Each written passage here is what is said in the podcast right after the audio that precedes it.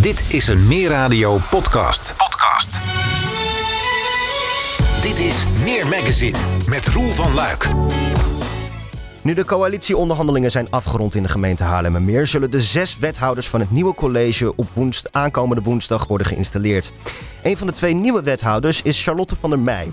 In de raadsperiode januari 2019 tot nu raadslid voor D66. Met haar bespreken we de terugkeer van D66 in het college van Haarlemmermeer... het coalitieakkoord met de titel Toekomstbestendig groeien... en natuurlijk de carrière switch in de politiek van raadslid naar wethouder... Nu in de uitzending mevrouw van der Meij, D66. Mevrouw van der Meij, van harte welkom. Goedemiddag, dankjewel en uh, dank voor de uitnodiging. Ja, natuurlijk. Als allereerst van harte gefeliciteerd met de succesvolle coalitieonderhandelingen met de andere partijen. Aanstaande woensdag wordt u voorgedragen als wethouder voor deze gemeente. Was aan het begin van de onderhandelingen duidelijk dat u de wethouderkandidaat voor D66 zou zijn?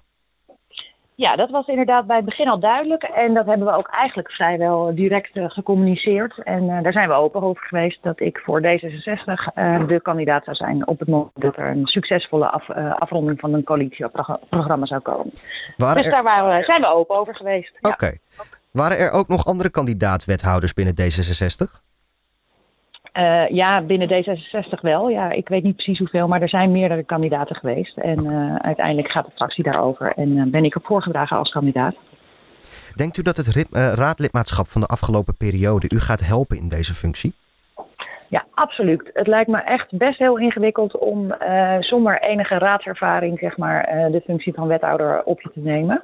Uh, dus ik, ik denk dat ik daar heel veel bij, bij ga hebben. Bovendien kom ik zelf ook uit een, uit een gemeente. Zeg maar. Mijn werk is in, is in een gemeente, dus ook van die kant heb ik zeg maar, het werk gezien. Dus ik hoop eigenlijk dat die beide functies um, nuttig gaan zijn in, uh, in mijn, uh, mijn nieuwe rol. Nou, dat klinkt in ieder geval alsof u meer dan genoeg ervaring heeft om uh, dit dossier op te gaan pakken. Ehm, ik ga u toch ook de vraag stellen die we aan wethouder Nobel van de VVD ook net stelden. het duurde nogal een tijdje voordat de formatie van dit college concreet werd, zo ongeveer drie maanden. wat waren concrete hobbels en op welke, partijen vonden, op welke punten vonden de partijen elkaar juist wel?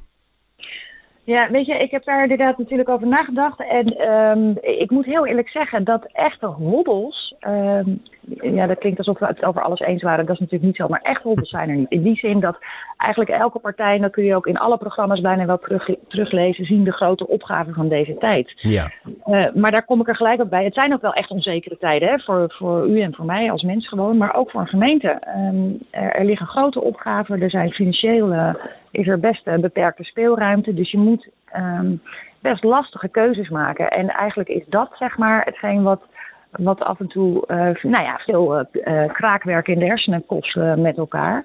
Maar echt om nu te zeggen van nou, er lagen hobbels waar we, waar we zeg maar weken over hebben moeten praten, dat is dan ook weer niet het geval. Maar gewoon het geheel, het, en dat, met het geheel bedoel ik gewoon het plaatje en de tijd waarin we leven, dat maakt het soms best lastig. Dat kan ik me wel voorstellen. Wat u inderdaad net ook benoemt, het zijn onzekere tijden. Um, na een heleboel onderhandelen uh, ligt het uh, nieuwe coalitieakkoord dan daar. Uh, bent u tevreden met de samenstelling van dit college? Ja, absoluut. Ja, we, we, hebben elkaar natuurlijk in die, in die, in die onderhandelingsperiode behoorlijk leren kennen ook. Dus mm -hmm. dat, is, dat, is, dat is zeker mooi. En ja, de eerlijkheid gebied mij te zeggen dat als je helemaal aan het begin van de onderhandelingen kijkt, had, had wat D66 betreft GroenLinks bijvoorbeeld ook wel een partij kunnen zijn die zeker aan had, uh, had kunnen schuiven. Maar goed, daar lag een advies van de informateur dat dat, dat op inhoudelijke punten te veel verschilde. Uh, dus die weg is, is niet bewandeld. Um, maar we zijn uiteindelijk, ja, nogmaals, we hebben, we hebben echt elkaar goed leren kennen. En we zijn toch tot een voor D66 in ieder geval behoorlijk positief en progressief akkoord gekomen. Dus ik ben, uh, ik ben heel blij met de samenstelling, ja. Daar gaan we het meteen even over hebben, want u benoemt het coalitieakkoord. Dat uh, wordt aanstaande woensdag ook met de Raad besproken. In welke speerpunten herkennen we D66 vooral terug? Ja, dat zijn, nou, het, het, ligt in de hele breedte, uh, uiteraard. Ik bedoel, het is uh, niet zo dat we op elke punt en komma kunnen zeggen van nou, dat, dat is nou typisch D66. Maar, maar overal gezien kunnen wij ons over het, over het gehele stuk wel goed vinden. Maar drie speerpunten zijn wat stonden eigenlijk aan het begin van de onderhandeling wat D66 al betreft wel wel centraal. En dat is een, pardon, een hoog ambitieniveau op het dossier klimaat en energie. De toekomstbestendigheid van onze gemeente. En met toekomstbestendigheid heb je het ook weer heel breed. Hè. Dan gaat het om voldoende woningbouw, maar ook een voldoende diverse economie. Ehm, dus, dus dat hele toekomstbestendigheid, dat vind je dus terug door het hele akkoord.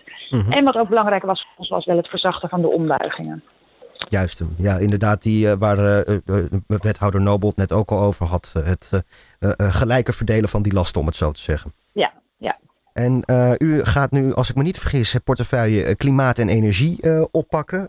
U bent daar wethouder van klimaat en energie. waarom is het nodig om een wethouder voor klimaat en energie te hebben? Ja, dat, dat is eigenlijk uh, uh, de vraag stellen van ja, waarom zet je een wekker? De wekker gaat bijna. In de zin van ja, het is, het is gewoon tijd. Het is tijd dat we met, met elkaar daar echt heel serieus op inspringen. Want anders kunnen we wel heel leuk 20.000 woningen bouwen, gaan bouwen in Haarlemmermeer. Maar als we niet met elkaar zorgen dat we die energietransitie en die klimaatverandering een halt toeroepen, dan. Ehm, ja, dat is geen doemdenker. Maar dan, dan weet ik niet zo goed wie daar over 20, 30, 40 jaar nog in die woningen zouden moeten wonen. Um, dus het, is gewoon noodzakelijk dat we nu met elkaar echt die ambitie op een, uh, op een hoog niveau inzetten. Maar ik kan me voorstellen. Ik hoop daar een mooie rol in te gaan spelen. Dat, dat snap ik heel goed. U noemt net al inderdaad de bouw van die 20.000 woningen. Ik kan me voorstellen dat juist dat ook een opgave is in combinatie met klimaat. Uh, de, de bouwsector uh, wil nog wel eens voor wat uitstoot zorgen. Uh, hoe worden die twee opgaves met elkaar, zeg maar, hoe houden die verband met elkaar?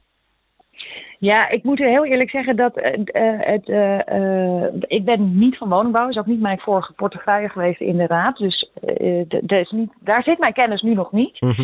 um, maar uiteraard zijn ja, eigenlijk alles wat je, wat je in Haarlemmermeer zou willen doen, heeft een klimaat- of een energiecomponent. Ja. Um, en dus, dus we moeten met elkaar, en dat zal van dit college ook veel vergen, we, we moeten met elkaar gewoon die samenwerking echt aangaan. Want het is niet zo dat Hè, ik word weliswaar wethouder klimaat en energie, maar dat betekent niet dat die component niet terugkomt bij de andere, bij de andere wethouders.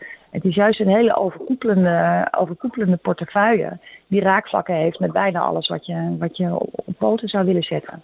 Dus dat vergt uh, een behoorlijk intensieve samenwerking. Ja, maar dat klinkt inderdaad ook wel alsof u een behoorlijk arbeidsintensieve functie uh, uh, tegemoet treedt zometeen ik ga ervan uit dat dat voor alle wethouders geldt, eerlijk gezegd. Dat is dus, ook zo.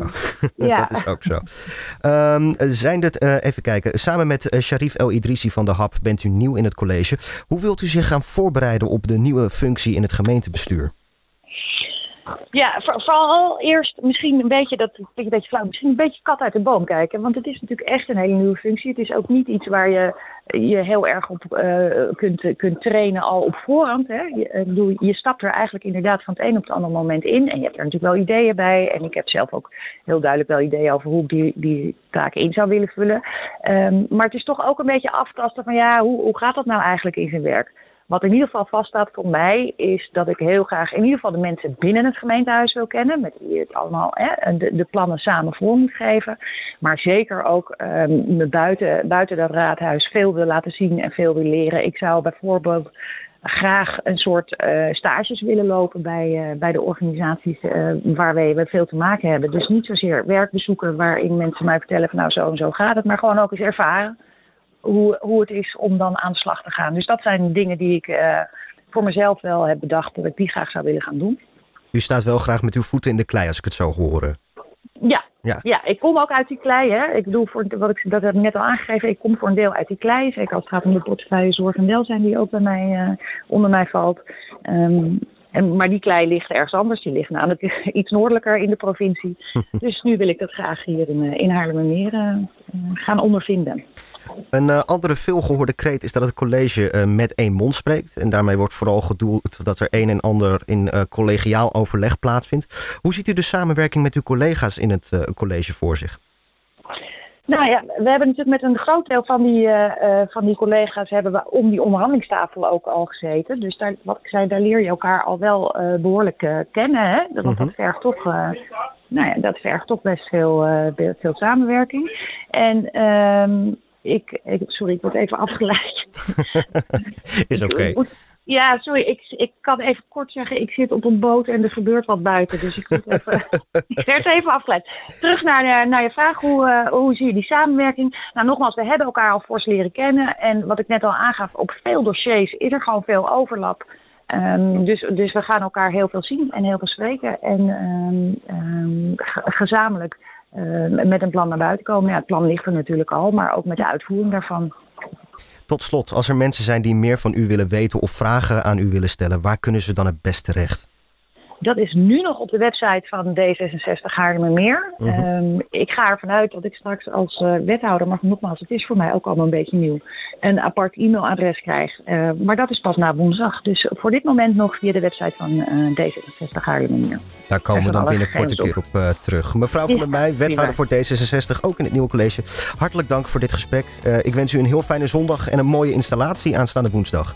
Ja, ik kijk er naar uit. En ontzettend bedankt voor dit gesprek. Zeker. Ik vermoed dat we elkaar nog wel vaker gaan spreken komende collegeperiode. Dat zou leuk zijn. Tot dan.